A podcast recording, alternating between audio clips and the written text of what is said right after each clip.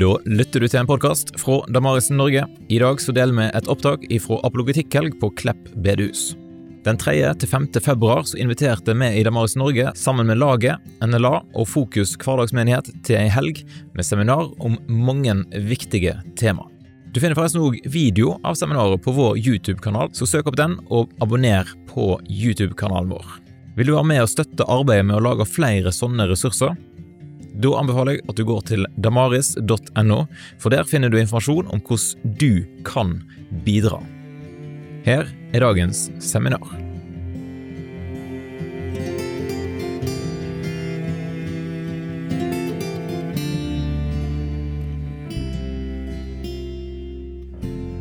Og vi ska tala om Jesu återkomst. Varför dröjer han? Jag vet inte hur mycket ni tittar på svensk tv nu för tiden här i Norge. Det mest populära tv-programmet av alla i Sverige heter Vart är vi på väg? Och är en eh, frågeprogram.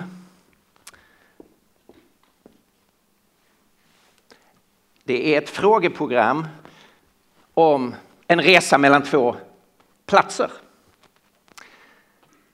Om jag ställer frågan till dig, vart är du på väg? Så kan jag faktiskt svara på den frågan åt dig. Du är på väg till en begravning. Din egen. Jag vet, it's bad news. Konstigt sätt att börja på, men så är ju livet. Vi är var och en av oss en dag närmare vår egen begravning när de andra ska stå runt vår kista. Om man ställer frågan så här, vi behöver inte vara så självupptagna och tänka bara på oss själva. Om vi tänker på jordklotet, planeten Tellus, vart är den på väg? Ja, det kan man räkna ut. Solens energiproduktion kommer att öka om en miljard år. Så kommer solen att gå in i sitt slutskede och bli enormt het. Den kommer så småningom att svälla upp och bli 250 gånger större än den är idag. Och då kommer hettan från solen att göra att haven på jorden avdunstar, att bergen smälter. Och långt innan dess har allt biologiskt liv försvunnit från jorden. Och sen kommer jordklotet att sugas in i solen och brinna upp. Och sen kommer solen att slockna. Och sen är det i evigheters evighet mörkt och kallt och tyst i vår lilla vrå av universum. Så är det, om Gud inte finns. Men nu finns det fantastiska nyheter. Den skapare som har låtit detta universum bli till, solen och planeten jorden och livet här, du och jag, har inte gett upp med sin skapelse. Han håller den i sin hand och han ska föra den till en fantastisk seger. Och därför så är det som du och jag är på väg till, det är ytterst sett inte vår egen begravning. Utan det är någonting annat vi är på väg till. Det kristen tro säger är att historien slutar inte med att jordklotet ska slukas i solen och brinna upp. Utan historien ska sluta med att Jesus kommer tillbaka. Jesus den korsfäste, den uppståndne, han som idag sitter på Faderns högra sida, ska komma i stor makt och härlighet. Nya testamentet använder tre olika uttryck för att tala om det. Han ska komma tillbaka. Han som lyftes upp inför lärjungarnas åsyn och togs in i Guds dimension. Han ska komma tillbaka. Han ska återvända och vi ska välkomna honom till jorden. Han ska uppenbaras. Det som idag inte är synligt, att han är Herre. Det kommer en dag bli synligt. Slöjan kommer att dras undan och alla kommer att se att det är han som är Herre. Han ska träda fram. Han står precis utanför dörren. En dag kommer den dörren att öppnas. Och Jesus kommer att träda in i historien. Det kommer att vara en global, en kosmisk händelse. Den kommer att vara historisk i den meningen att den kommer att inträffa i vår historia. Men man kan också säga att den kommer att vara transhistorisk, gå utöver historien därför att den dagen innebär den gamla tidsålderns slut och en ny tidsålder, en ny historia ska ta sin början. Detta är det kristna hoppet. Och då ska vi läsa en väldigt viktig text om hoppet och invändningarna mot det hoppet. Andra Petrusbrevets tredje kapitel, vers 3 till 13. Där står det så här. Framförallt ska ni tänka på att i de sista dagarna kommer det hånare som styrs av sina egna begär och som hånar er och frågar hur blir det med löftet om hans ankomst? Våra fäder har redan dött och allt är som det har varit sedan världens skapelse. De bortser från att det för länge sedan fanns himlar och en jord som hade uppstått ur vatten och genom vatten i kraft av Guds ord. Den värld som då fanns dränktes därför i vatten och gick under. Men de himlar och den jord som nu finns är i kraft av samma ord sparade åt elden. De bevaras till domens dag då de gudlösa ska förintas. Men en sak får ni inte glömma mina kära. För Herren är en dag som tusen år och tusen år som en dag. Det är inte som många menar att Herren är sen att uppfylla sitt löfte. Han dröjer för er skull. Eftersom han inte vill att någon ska gå förlorad utan att alla ska få tid att omvända sig. Men Herrens dag kommer som en tjuv. Den dagen ska himlarna försvinna med dån, himlakropparna upplösas i eld och jorden och allt som människan gjort där ska komma fram i ljuset.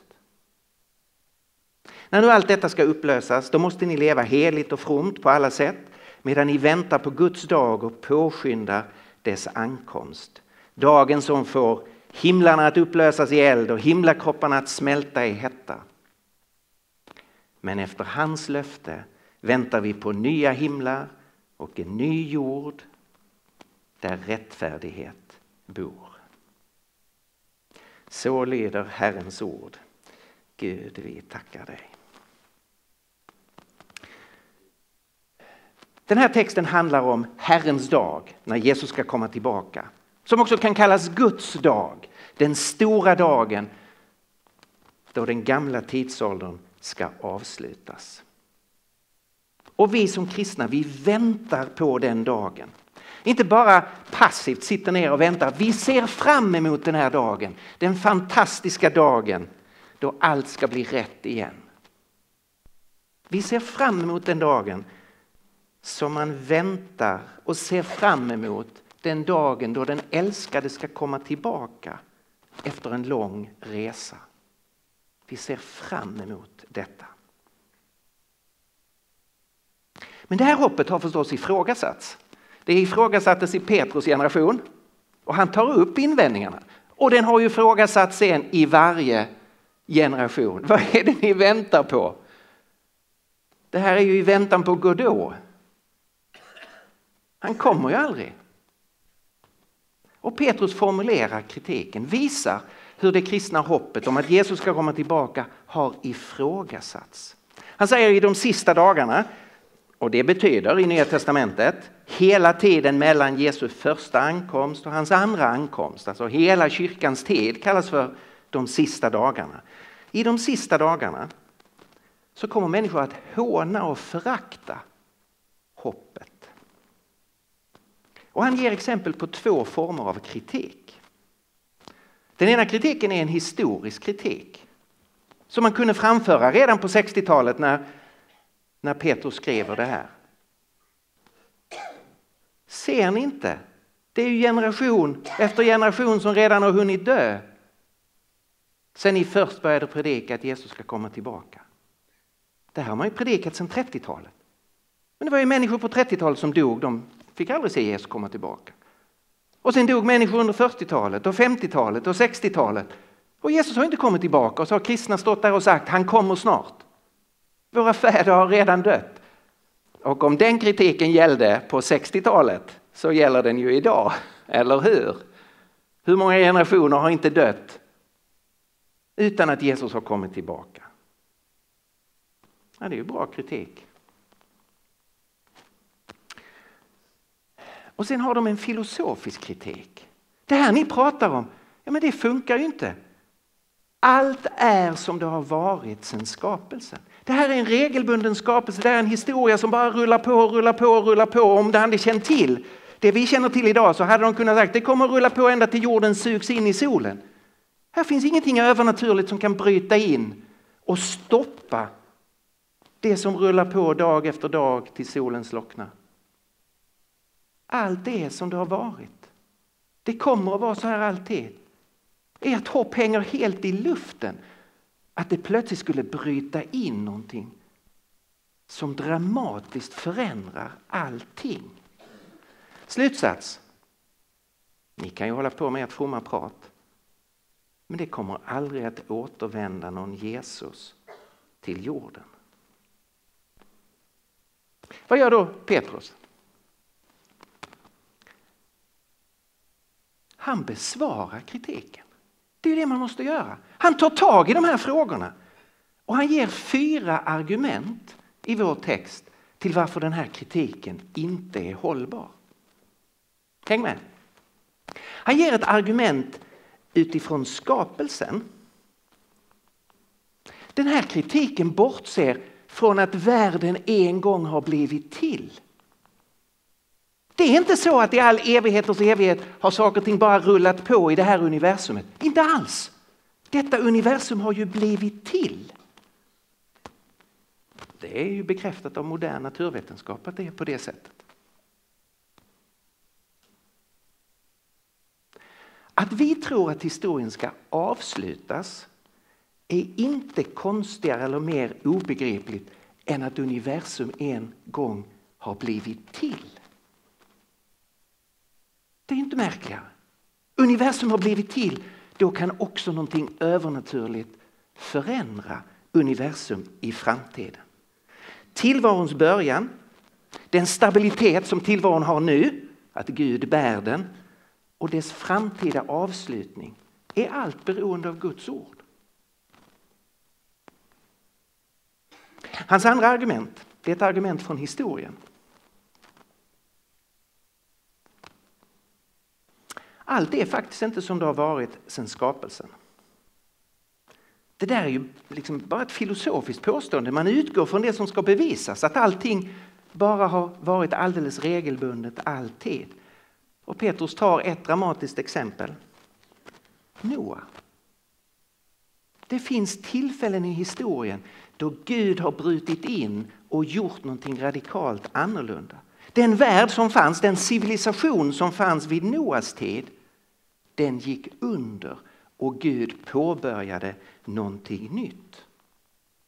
Om Gud har gjort det tidigare i historien som en mer begränsad nystart så finns det ingen anledning att betvivla att Gud på ett mer grundläggande sätt kan göra en nystart framåt.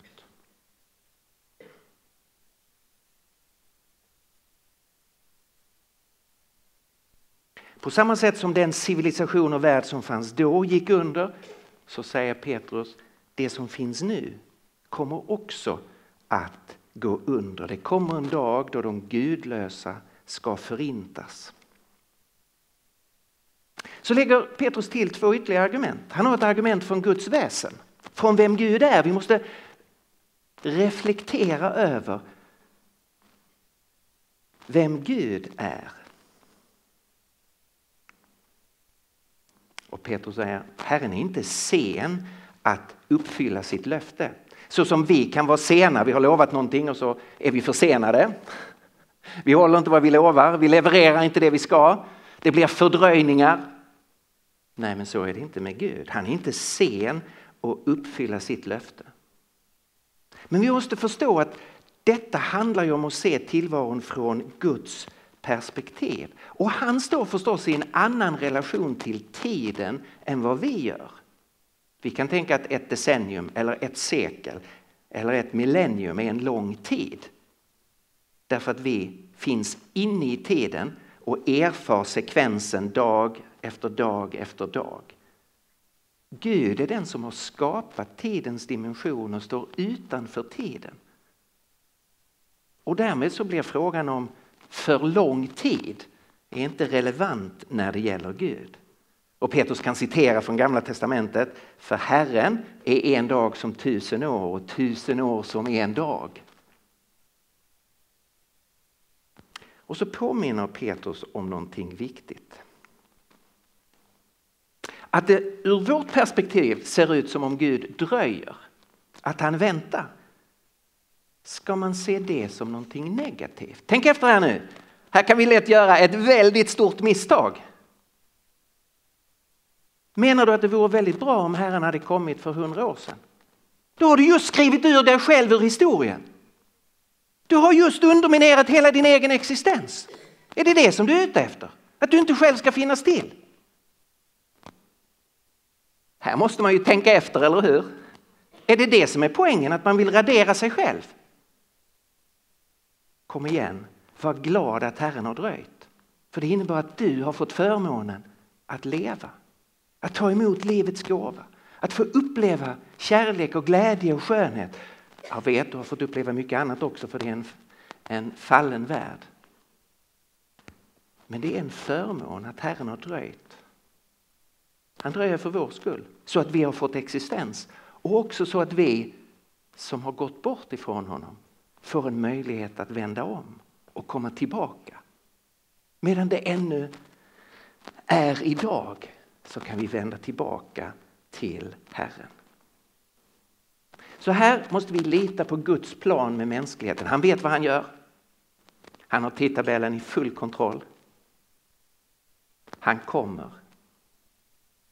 när tiden är inne. Han kommer när tiden är fullbordad.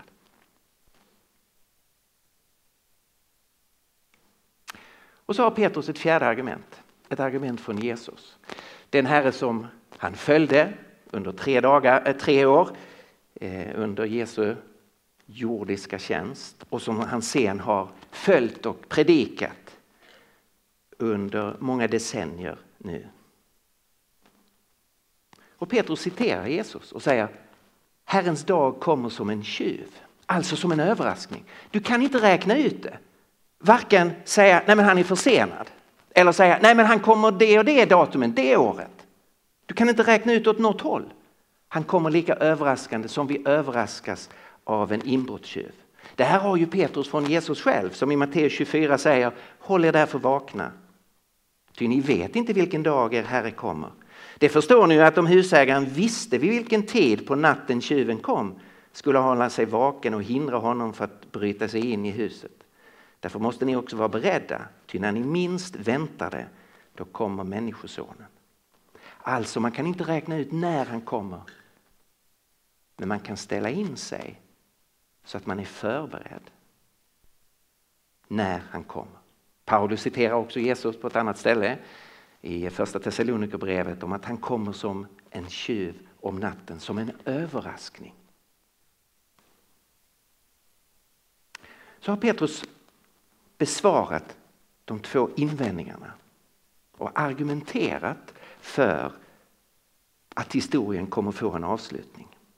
Och så går han vidare och talar om hur den avslutningen vad den kommer att innebära, hur den kommer att se ut, vad som kommer att ske. Och han säger tre saker om historiens avslutning. Att det handlar om dom, att det handlar om undergång och att det handlar om nyskapelse. Låt oss se på de tre sakerna. Vad är det som sker? Och nu väljer jag den lite förvånande rubriken att det är ett hopp om dom. Det är ingen svensk som tänker det att domen är något hoppfullt. Tvärtom så är kyrkorna i Sverige är fulla av människor som värjer sig mot varje tanke på dom och säger det där är negativt, det är hotfullt, det är skrämmande, vi ska bort med, prata inte om sånt. Det är ju minst av allt hoppfullt att det vilar en dom över världen. Men här tror jag att man tänker allvarligt fel. Självklart finns det något ytterligt allvarligt att det kommer en domens dag, en räkenskapens dag. Men det finns också något djupt hoppfullt. Därför att det här betyder att det onda som idag sker i världen, det kommer en dag att stoppas. Det finns en yttersta gräns när det onda kommer att stoppas och dömas och kastas ut ur världen. Om det inte kommer en dom så skulle det innebära att Gud är lika ond som det onda han evigt accepterar. Gud skulle vara lika korrupt som den korruption han inte gör någonting åt. Så om Gud är god så måste det komma en dom över människans historia och över våra liv som individer. Det följer av att Gud är god. Man kan inte bara vända blad. Det här vet vi ju, det är därför vi har domstolar. I ett rättssamhälle måste man ha det. Det är därför vi har krigsförbrytartribunaler där vi säger det onda som har skett, vi kan inte bara blunda och gå vidare och glömma. Det här måste redas upp. Det handlar faktiskt om godhet, om kärlek, om rättvisa. Att göra upp med det onda. Och därför talar Petrus tre gånger i texten om eld, det är ju symbolspråk, Guds renande eld. Hur Guds eld ska bränna upp allt det som står Gud och hans kärlek emot. Petrus använder apokalyptiskt språkbruk från Gamla testamentet. Om hur hela världen kommer att renas i domen.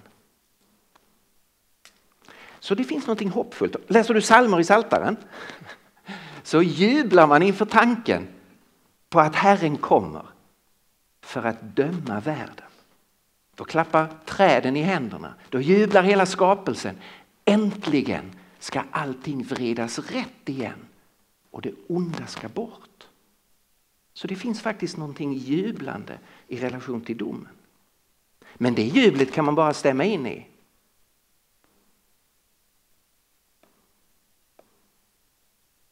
Om man själv har lärt känna frälsaren som har burit bort domen över mitt liv. För det andra så är det, och nu blir det ännu konstigare, ett hopp om undergång. Och här har ni det apokalyptiska språkbruket av, av att himlakropparna ska smälta i eld och upplösas. Himlarna ska försvinna med dån, himlakropparna ska upplösas och allting ska just upplösas. Hur ska man tänka eh, om det? Vad, vad är det det handlar om? Och de som kan grekiska säger oss då att Paulus använder ett lite märkligt ord här om himlakropparna. Som är ett ord som har flera olika eh, dimensioner som kan syfta på rent materiellt på sol och stjärnor och, och, och, och så. Eller som kan syfta på de fyra elementen som man pratade om i antiken. Eh, om eld och luft och vatten och så. Men som också i Nya Testamentet många gånger används om, eller flera gånger används om, andemakter.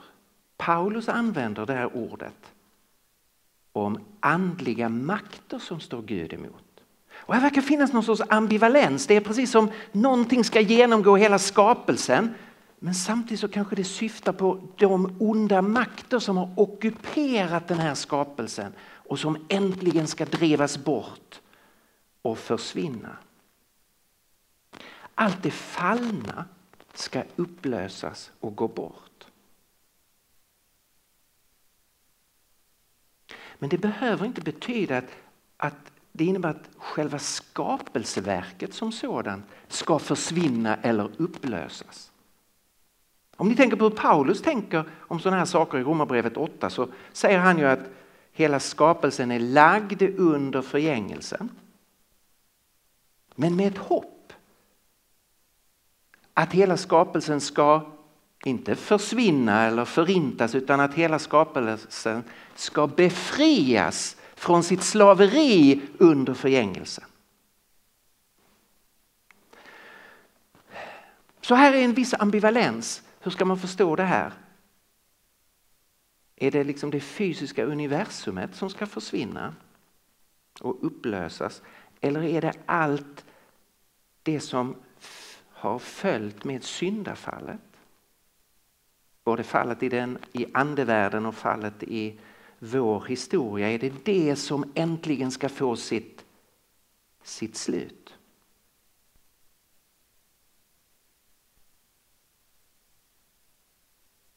Den här spänningen kan vi finna eh, också hos, eh, också hos eh, Jesus.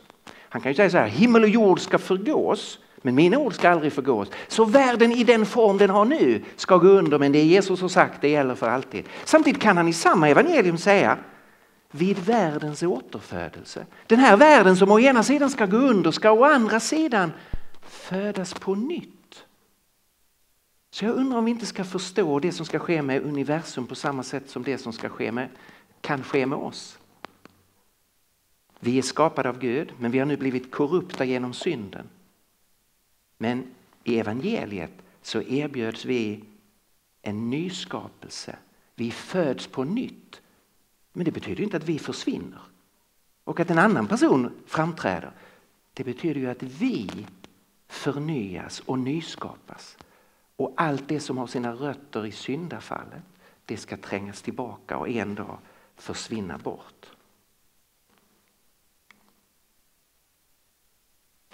Och för det tredje så är detta verkligen ett hopp om nyskapelse. Det är ju så som Petrus uttryckligen själv slutar hela sitt resonemang med.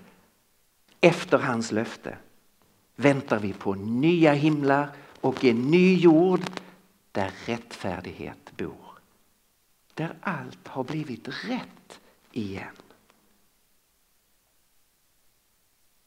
Och här är det ju viktigt att vi tänker rätt. Problemet enligt kristen tro har ju aldrig varit detta universum eller denna jorden eller det materiella eller själva skapelsen. Det har ju alltid varit att den värld Gud har skapat har blivit invaderad av synden, döden och djävulen. Och så slutar ju hela Bibeln med att Johannes ser en ny himmel och en ny jord, ett nytt skapelseverk, ett förnyat skapelseverk som framträder utan det som har sina rötter i synden, döden och djävulen. Och så har vi ett fantastiskt hopp. Så jag ställer frågan igen. Vart är du på väg? Genom evangeliet så behöver vi inte tänka jag är på väg mot min begravning. Ja, man behöver inte förneka det. Det är klart vi är på väg mot vår begravning. Men det är inte vår yttersta destination. Vi är på väg mot en punkt då Jesus ska komma tillbaka. Och då ska, om vi har hunnit dö innan dess, då ska vi få uppstå i härlighet, i kraft. Och den generation av kristna som finns på jorden då kommer att möta honom och i ett nu förvandlas. Här har den kristna tron ett unikt hopp. Vi är på väg mot den framtidens öppning där skönheten och glädjen ska vidgas och finnas för alltid. Och det som idag söndrar och skadar och som är mörker ska vara borta. Vad drar Petrus för slutsats av allt det här? Om vi hade läst några verser till i kapitel 3 så hade vi kommit till de här orden. Ni mina kära som har fått veta detta. Och nu är faktiskt vi inkluderade i, i den gruppen. För vi har just läst de här orden. Vi vet det här, vart allt är på väg mot. Och vad är då slutsatsen? Förlora inte fotfästet. I allt det som pågår dag efter dag så tappar vi ju så ofta fokus. Vi blir upptagna av sånt som har sin betydelse men som får oss att tappa det stora perspektivet. Förlora inte fotfästet. En svensk författare har sagt så här. Alla dessa dagar som kom och gick, inte visste jag att det var livet. Alla dessa dagar som kom och gick, inte visste jag att det var livet. Och så kan man låta sig liksom förvirras av all, allt det här dagliga som ju har sin vikt och sin betydelse. Men man ser inte den stora bilden av vad livet är för någonting. Och det är det som Petrus påminner oss idag. Se den stora bilden. Lev ditt liv i ljuset av Jesu återkomst. Vi ber med aposteln Paulus. Maranata, vår Herre Jesus, kom. Maranata. Jesus kom till vårt hjärta och vårt liv. Jesus kom med ditt rike i fullhet och kraft. Amen.